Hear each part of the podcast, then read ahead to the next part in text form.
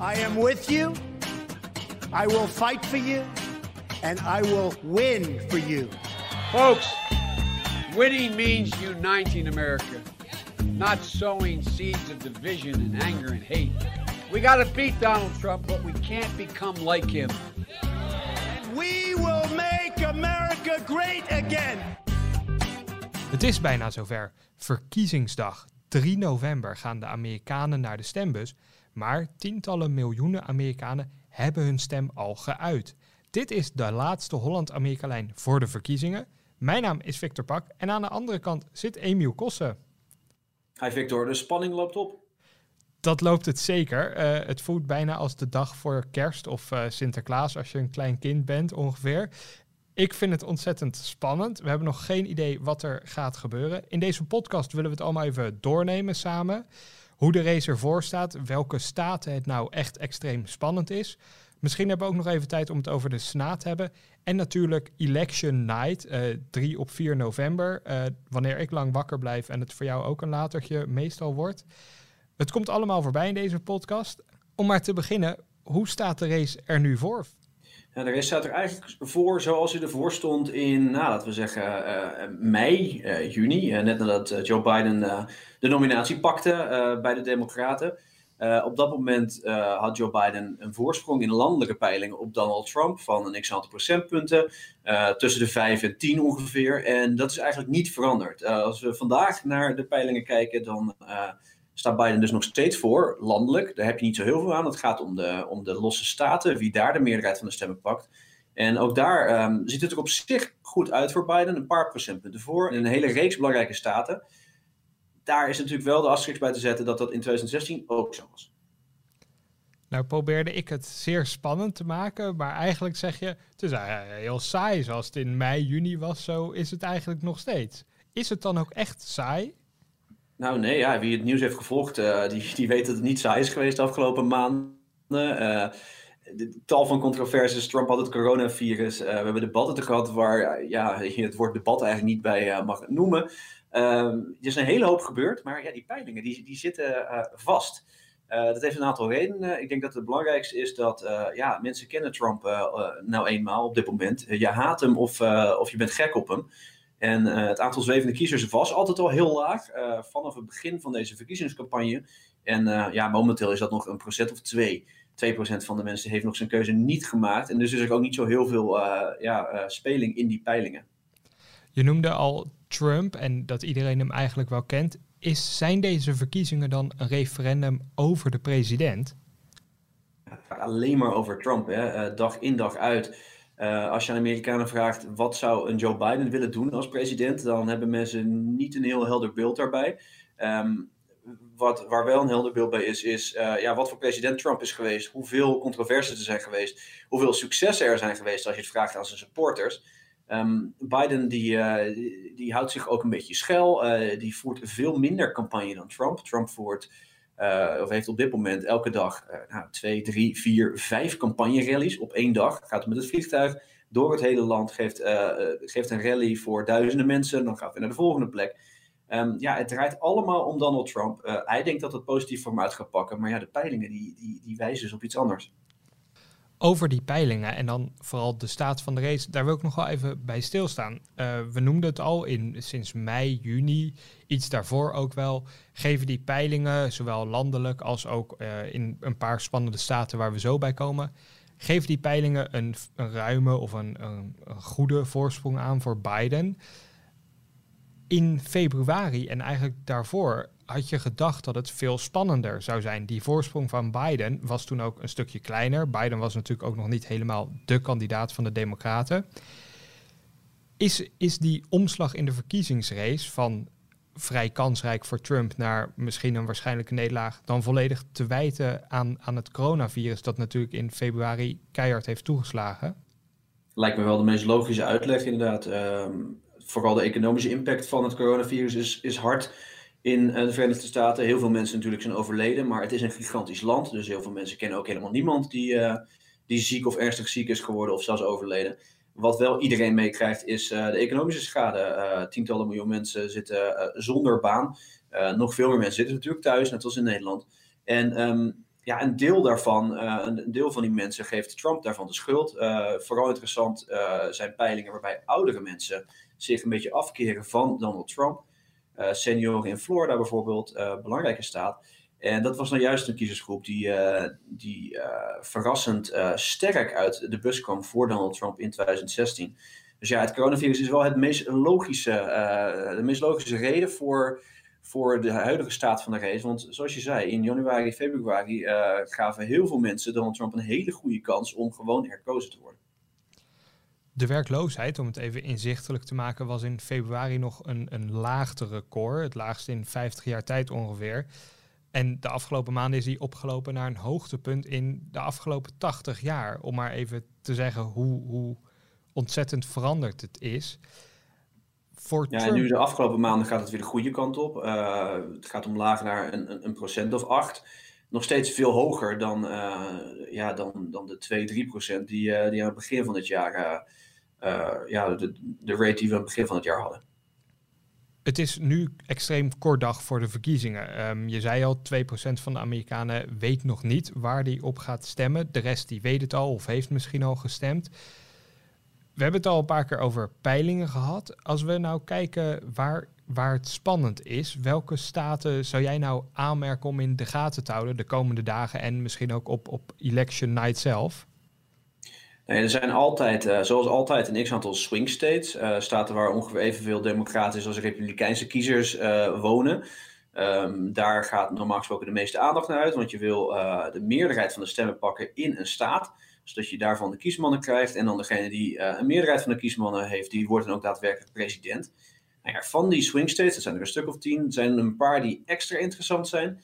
Um, omdat uh, uh, een van de kandidaten die echt moet winnen om president te kunnen worden, logischerwijs. Florida is daarbij een van de, de allerbelangrijkste. 29 kiesmannen in Florida te pakken. Um, als Donald Trump daar niet wint, is het echt een heel lastig karwei voor hem om, om alsnog president te worden.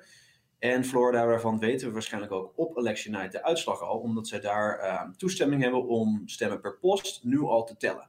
Uh, dat is belangrijk. Heel veel staten mag dat niet. In Pennsylvania mag dat niet. In Wisconsin mag dat niet. Daar weten we waarschijnlijk een tijd lang de uitslag niet van. Uh, ja, van Florida dus wel. En als Trump die verliest, dan gaan zijn kansen om, om te worden herverkozen heel hard achteruit. Florida heeft 29 kiesmannen, dat zei je al. Misschien moeten we het toch heel kort benoemen. Kiesmannen die maken uiteindelijk, uh, die beslissen uiteindelijk wie er president wordt van het land, toch? Je wilt 270 kiesmannen uh, pakken, die kan een kandidaat dus krijgen door een meerderheid van de stemmen te, te verzamelen in een staat. Um, ja, Florida heeft dus 29. Uh, een kleinere staat als, nou ja, laten we zeggen, Idaho heeft maar vier kiesmannen. Um, ja, en dus kandidaten gaan, uh, die, die verzamelen die kiesmannen door het hele land, proberen zoveel mogelijk staten te winnen. En uh, ja, die 270, daar draait het allemaal. In Florida is het nu super spannend. Het is ongeveer iets meer dan een procentje verschil tussen Biden en Trump. Het is maar net welke, welke peiling je erop naslaat. Nek aan nek. Ja, nek aan nek.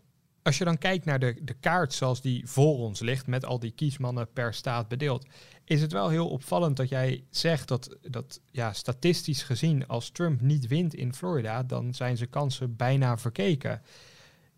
Dat was in, in 2016 was Florida ook een belangrijke graadmeter, maar niet zo extreem. Toen had Trump iets meer marge, hij zat wat ruimer in zijn jasje.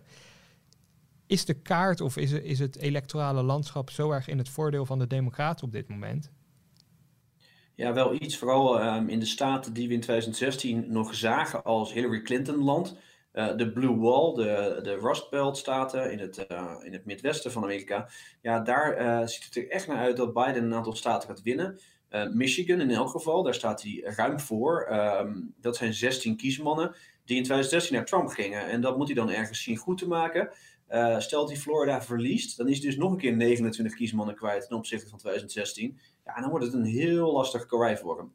Er komt bij dat een hele hoop staten, uh, republikeinse staten, traditioneel republikeinse staten, op dit moment uh, worden gezien als kansrijk voor Joe Biden. Dan hebben we het over Texas, hebben we het over Georgia, hebben we het over North Carolina en Arizona. Um, dat betekent niet dat Biden die gaat winnen. Trump die kan heel goed al die vier winnen, maar dat zou dan nog niet genoeg zijn. Hij moet dan ook nog een staat winnen die ja, die Hillary Clinton in 2016 won. En dat kan nog wel eens lastig worden. Vandaar dat Florida zo belangrijk is. Uit deze peilingen en hoe het ervoor staat, lijkt het dus dat de Democraten er echt goed voor staan. We hadden het al over de impact van corona. Hoe kijk jij verder naar de campagne zoals die de afgelopen maanden gevoerd is? Of vooral hoe ze geprobeerd hebben campagne te voeren? De campagnes zijn, um, je ziet eigenlijk twee, twee, twee lijnen. De Trump-campagne probeert zoveel mogelijk normaal campagne te voeren. Um, negeert het coronavirus, ondanks dat Trump het zelf opliep natuurlijk. En eventjes anderhalve week van, uh, ja, even anderhalve week thuis zat. Uh, zij proberen gewoon campagne te voeren met enorme rallies. Uh, Joe Biden doet vrij weinig. Die, die geeft wel speeches, maar dan voor nou, misschien honderd mensen, misschien wat mensen in hun auto's die dan, die dan mogen toeteren als iets, als iets leuks horen. Um, daar zie je een, een, groot verschil in.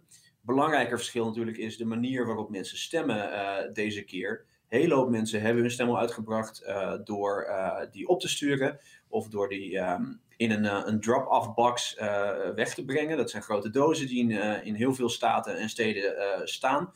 Um, ja, daar, daar is natuurlijk de grote verandering opgetreden. heel veel stemmen die zijn er zo uitgebracht en daardoor wordt Election Day zelf uh, ja, minder, uh, het wordt minder druk waarschijnlijk. En dat komt natuurlijk door het coronavirus. Nou noemen wij het steeds verkiezingsdag, maar eigenlijk is er meer sprake van een soort verkiezingsweek, een verkiezingsseizoen haast. Want miljoenen Amerikanen hebben al gestemd. Sterker nog, eh, in 2016 stemden zo'n 136,5 miljoen Amerikanen. Ik geloof dat we nu al over de 70 miljoen uitgebrachte stemmen zijn. Dus dat is ruim de helft die al gestemd heeft van degene die in 2016 ook zijn opkomende dagen. Wat moeten we dan verwachten qua verkiezingsdag of verkiezingsnacht in die zin, election night, als er zoveel stemmen per post zijn? Je zei al, die worden op, op heel andere manieren geteld. Van Florida gaan we het wel weten, van Pennsylvania waarschijnlijk niet. wat zijn jouw verwachtingen? Heel belangrijk om te stellen is dat we zeer waarschijnlijk geen uh, definitieve uitslag hebben op de avond zelf. Um, de afgelopen uh, verkiezingen is er een soort van idee van ontwikkeld dat het normaal is. Dat we die avond zelf al weten welke president uh, er is verkozen. Uh, dat was twintig jaar geleden helemaal niet zo normaal. En we moeten echt terug naar het idee dat we dat niet gaan weten. Dat komt dus vooral door die poststemmen. Um, de enige uitzondering zou zijn als een van de twee kandidaten zo'n beetje alle staten wint die we wel, waarvan we wel de uitslag gaan weten. Die kans is niet zo groot. Um, dus belangrijk, kijk naar Florida. Uh, er komen reeks andere staten ook binnen, maar uh, ja, die uitslag die gaan we niet weten. Uh, dat kan dagen en misschien wel weken gaan duren. De afgelopen jaren is dat idee gegroeid, misschien dat we het direct weten. Maar moeten we dan vrezen voor een scenario zoals dat zich toen in Florida afspeelde in 2000 tussen Bush en Al Gore? Ja, het ligt er een beetje aan hoe, uh, hoe spannend deze verkiezingen worden. Um, als het op één staat aan gaat komen qua kiesmannen en als dan die staat ook nog eens heel, heel krap is, dan kan je je voorstellen dat, um, ja, dat er weer uh, rechtszaken worden begonnen. Um, beide partijen kijken ook al naar de mogelijkheden daar, daartoe, nu al. dat is een teken aan de wand. Tegelijkertijd zou het ook zo kunnen zijn, stel dat alle peilingen kloppen, dat Biden een vrij ruime overwinning behaalt. ja, dan heb je die problemen misschien niet. Um, het zou ook omgekeerd kunnen zijn dat Trump een ruime overwinning behaalt. Dan is het natuurlijk hetzelfde. Dan is er, uh, dan is er weinig aan de hand. Uh, hoe spannender het wordt, uh, hoe meer belangen er zijn om, ja, om die, die tellingen te beïnvloeden. En dat is natuurlijk een beetje wat er gebeurde in Florida in 2000. Um, ehm, ja, we moeten niet te ver op de zaken vooruit lopen, maar ja, het risico is er wel een beetje, het risico op chaos. En de president die, um, ja, die voegt ook redenen toe om, om chaos te verwachten. nu een van zijn laatste argumenten is dat hij heel graag uh, en het heel belangrijk vindt dat we de uitslag weten op 3 november. Maar ja, zoals ik al net zei, dat is vrijwel onmogelijk. Dus het is een manier voor Trump om, um, om verwarring te zaaien. Zijn supporters denken, we gaan het weten op 3 november, maar ja, eigenlijk is dat vrij, uh, vrij onmogelijk. Kan Trump daar nou echt zelf nog iets aan bijdragen aan dat zaaien van verdere verwarring? Of is de enige optie waarbij er heel veel gedoe ontstaat, dat dat in de rechtszalen gebeurt. In juridisch getrouwtrek dat dan zou ontstaan, zoals dus in Florida in 2000. Of kan Trump zelf nog bepaalde acties ondernemen? Retorisch vooral, dat heeft hij natuurlijk ook al gedaan de afgelopen weken. Um, hij zei twijfels over poststemmen. Uh, nu twijfels over uh, dat we de uitslag moeten weten op de dag zelf. Um, hogere, het Hoge Rechtshof in verschillende staten spreken zich nu uit op dit moment over ehm, de regels rond poststemmen. Een week voor de verkiezingen uh, worden nog regels veranderd. Uh, in een staat als Wisconsin moet opeens alle stemmen binnen zijn op, uh, op, op de dag van de verkiezingen, terwijl dat eerst nog ook dagen erna zou mogen. Um, ja, dat zijn zaken die de uitslag kunnen veranderen en de uitslag kunnen bemoeilijken, het langer kunnen laten duren het is niet een heel duidelijk beeld van, uh, van te schetsen. Het is lastig. Um, Trump kan uiteindelijk er niet zoveel zelf aan veranderen, maar zoals ik al zei, retorisch kan hij wel um, het verwachtingenpatroon uh, beïnvloeden. Nou gaat Amerika niet alleen naar de stembus voor hun president, maar ook een derde van de senaatzetels staan op het spel en natuurlijk het hele Huis van Afgevaardigden. Nou is dat Huis van Afgevaardigden volgens mij niet zo heel spannend. De Democraten hebben daar op dit moment een flinke meerderheid en het is onwaarschijnlijk dat ze die kwijtraken. In de Senaat is het veel spannender. Die is op dit moment in, handen, in republikeinse handen. Maar de Democraten proberen er van alles aan te doen om daar de meerderheid te veroveren. Het is voor mij een soort speciaal verzoeknummertje. Ik vind dat we veel te weinig aandacht hebben voor die senaatsverkiezingen, omdat de Senaat een ontzettend machtig instituut is dat ook deels bepaalt wat een president uiteindelijk qua beleid kan voeren. Als we kijken naar die senaatsverkiezingen, verwacht jij dat de Democraten daar serieus kans hebben om de macht over te nemen? Ja, zelfs de Republikeinen geven dat op dit moment toe. Uh, Mitch McConnell, de leider uh, van de Republikeinen in de Senaat, die zegt dat het 50-50 is. En um, ja, als je de peiling mag geloven, zijn de kansen zelfs ietsjes beter voor de Democraten dan voor de Republikeinen. Het is inderdaad heel belangrijk om die Senaat uh, te winnen. Als je president uh, uh, bent als democraat en je hebt een republikeinse Senaat tegen je, dan kunnen ze vrijwel alles blokkeren. En het tegenovergestelde is, is nu het geval. Donald Trump is president, maar het Huis van Afgevaardigden is democratisch. En dus komt er bijna geen wet doorheen. En dus zou het heel fijn zijn voor de persoon die president wordt om beide kamers te pakken. Dat zou dan dus voor de Democraten betekenen dat zij ook de Senaat moeten zien over te nemen. En uh, ja, zij hebben een aantal staten uh, uitgekozen waar nu een republikein in de macht is. En uh, waar de democratische uitdager serieuze kans maakt om, om die plek te winnen. En daardoor kunnen de democraten dus uiteindelijk, als ze wat geluk hebben, ook nog eens die senaat pakken. En welke staten voeren ze dan echt campagne in? Volgens sommige mensen maken ze zelfs kans in Texas, toch een republikeins bolwerk bij uitstek. Nou, Texas zou ik geen geld opzetten. Um, een staat als Arizona is, uh, is interessant. Martin McSally zit daar, uh, is republikeinse. Die, um, ja, die heeft het lastig in die staat. Weet niet zo goed hoe ze met Trump op moet gaan. Of ze hem nou moet steunen of niet. Uh, de Democrat daar doet het goed. North Carolina is een interessante. Daar zit een hele conservatieve senator nu, Tom Tillis. En um, ja, North Carolina is juist een staat die langzameraan wat, wat linkser wordt. Wat meer democratisch wordt. En uh, de democratische kandidaat is een typische gematigde democraat. Uh, een beetje à la Joe Biden. Kel Cunningham is dat. Um, die stond ruim voor in de peilingen. Uh, kreeg daarna een, um, een, een, schandaal rond, rond vreemdgaan. staat alsnog voor in de peilingen, hoewel krap. ja, dat zijn twee races waar de democraten denken dat ze kunnen uitpakken. Nou ja, jij zegt Texas. er is ook nog South Carolina. Daar zit Lindsey Graham. Die was ooit tegen Trump, is nu heel erg voor Trump die zou zomaar kunnen winnen, maar uh, ja, vlak zijn, uh, vlak zijn ook niet uit. Um, dat is een, uh, een, een, een, een, zwarte man, Jamie Harrison, heeft heel veel geld opgehaald, heel veel meer dan Lindsey Graham. En um, hij staat in de peilingen iets achter, maar ja, hij zou een verrassing uit de hoge hoed kunnen toveren. Dat hebben de Democraten ook wel nodig. Ze moeten al die staten eigenlijk winnen om, ja, om, die, om die meerderheid te pakken en niks verliezen. Bijvoorbeeld niet in uh, Michigan. Jij was daar laatst natuurlijk en daar staat een senaatzetel van een democraat op het spel. Dat is dus ook nog een race binnen de race, zoals ze dat in, uh, in sporttermen zouden, zouden vatten. We hebben nu eigenlijk wel een heel lijstje aan uh, staten opgenoemd waar mensen op kunnen letten. Florida staat ongeveer op één. is Pennsylvania dan een goede, goede tweede om te zien waar het heen gaat met het land? En Arizona een goede derde? Pennsylvania is spannend, zeer spannend. Um, het probleem daar is dat het daar het langst gaat duren voordat we een resultaat weten. En dus zou ik niet zozeer focussen op Pennsylvania. Um, als het daarop komt, als het daarop aankomt, uh, ja, dan is het dus een hele spannende race geworden. Want dat weten we pas over een, uh, een x aantal dagen na de verkiezingen. Arizona is inderdaad spannend omdat er twee races zijn. Uh, Florida heeft eigenlijk alleen de presidentsrace.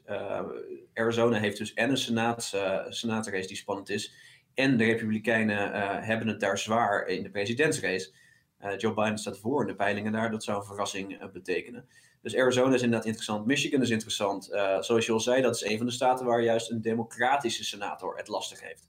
De meeste van deze staten die ehm, de, de, de, de swing states wat betreft de Senaat. Daar zijn het republikeinse zittende senatoren die het moeilijk hebben. Uh, Michigan is het omgekeerd. Daar is uh, Gary Peters, de democraat die daar uh, de senator is. En die heeft het moeilijk tegen John James. Een, een populaire Afro-Amerikaanse man die uit het leger kwam en nu, nu politicus wil worden. Um, dus ja, let ook op die race, want dat zou een republikeins lichtpuntje kunnen worden. Nou gaan we een beetje afronden en dan gaan we dus vooruitkijken. Misschien gaan we nog even kijken of we een voorspelling durven te wagen. Toch wil ik eerst misschien nog heel even terugblikken. In 2016 werden we toch en masse verrast ongeveer door Trumps winst. Kan dat nu weer gebeuren? Ja, het korte antwoord is natuurlijk ja. Ehm, de peilingen zaten er in 2016 niet eens zo heel ver naast, maar op bepaalde punten zaten ze ernaast. In Michigan zaten ze ernaast, in Wisconsin zaten ze ernaast. Daar won Trump met een, uh, een miniem verschil. Uh, ja, hij zou dat eigenlijk gewoon nog een keer moeten doen. Uh, nou, zo gewoon is dat niet, het wordt lastig. Um, maar je goed als je de peilingen ziet van, van nu en van 2016, is er niet zo heel veel verschil. Um, in sommige staten staat Biden net wat meer voor dan Hillary Clinton, in sommige staten minder dan Hillary Clinton in 2016. Um, het grote verschil zou moeten zijn dat de peilingen uh, nu accurater zijn, omdat ze meer potentiële Trump-kiezers in die peilingen betrekken. Uh, dat zijn vooral uh, blanke arbeiders die, uh, ja, die werden ondervertegenwoordigd in peilingen in 2016, omdat ze normaal gesproken minder gaan stemmen. Dat deden ze dus wel in 2016 en nu in 2020 zijn die peilingen dus iets aangepast. En er is niet zo heel veel reden om aan te nemen dat die peilingen nu helemaal mis zitten. Maar zelfs met al die peilingen en al de margins of errors, al de, de foutmarges, zou Trump nog steeds kunnen winnen. De meesten geven hem ook een, een kans van 15 à 20 procent. Uh, de gokmarkten nog iets beter, die geven hem een derde kans. En natuurlijk door 2016, um, omdat we weten wat er kan gebeuren als alle steentjes goed vallen voor Donald Trump. En durf je dan een voorspelling te doen? Nou ja, dat zouden we niet meer moeten doen, geloof ik, na vier jaar geleden. Het ziet er goed uit voor Joe Biden. Maar ja, uh, Trump die, die, die, uh, die houdt niet op met campagne voeren. Hij weet dat zijn aanhangers heel enthousiast zijn. Uh, die gaan allemaal gewoon op verkiezingsdag in de rij staan, corona of geen corona. En um, ja, Joe Biden die moet maar zien dat zijn kiezers daadwerkelijk komen opdagen. Een beetje het verhaal zoals in 2016. Um, maar volgens mij lijkt mij dat de Democraten de les wel hebben geleerd. dat ze nu wel gaan stemmen. Dat lijkt mij ook, ja. En vooral met deze gigantische opkomst die waarschijnlijk verwacht wordt, hebben we eigenlijk geen idee. En wat dat er gaat, zijn we weer terug bij af ongeveer. Wij zijn volgende week natuurlijk terug met een nieuwe podcast. We gaan dan de plannen doorspreken van de verkozen president, als we dat natuurlijk weten. En anders zijn we terug met de stand van zaken zoals die er op dat moment uitzien. Wilt u die podcast vanzelf ontvangen, vergeet u dan natuurlijk niet te abonneren op ons podcastkanaal. En op woensdag 4 november, de dag van de verkiezingen in Nederland althans, dan kunt u alles teruglezen, alle verslaggeving die wij doen op ewmagazine.nl. Hartelijk dank voor het luisteren naar deze podcast. Wat vond jij nou het opvallendst deze campagne?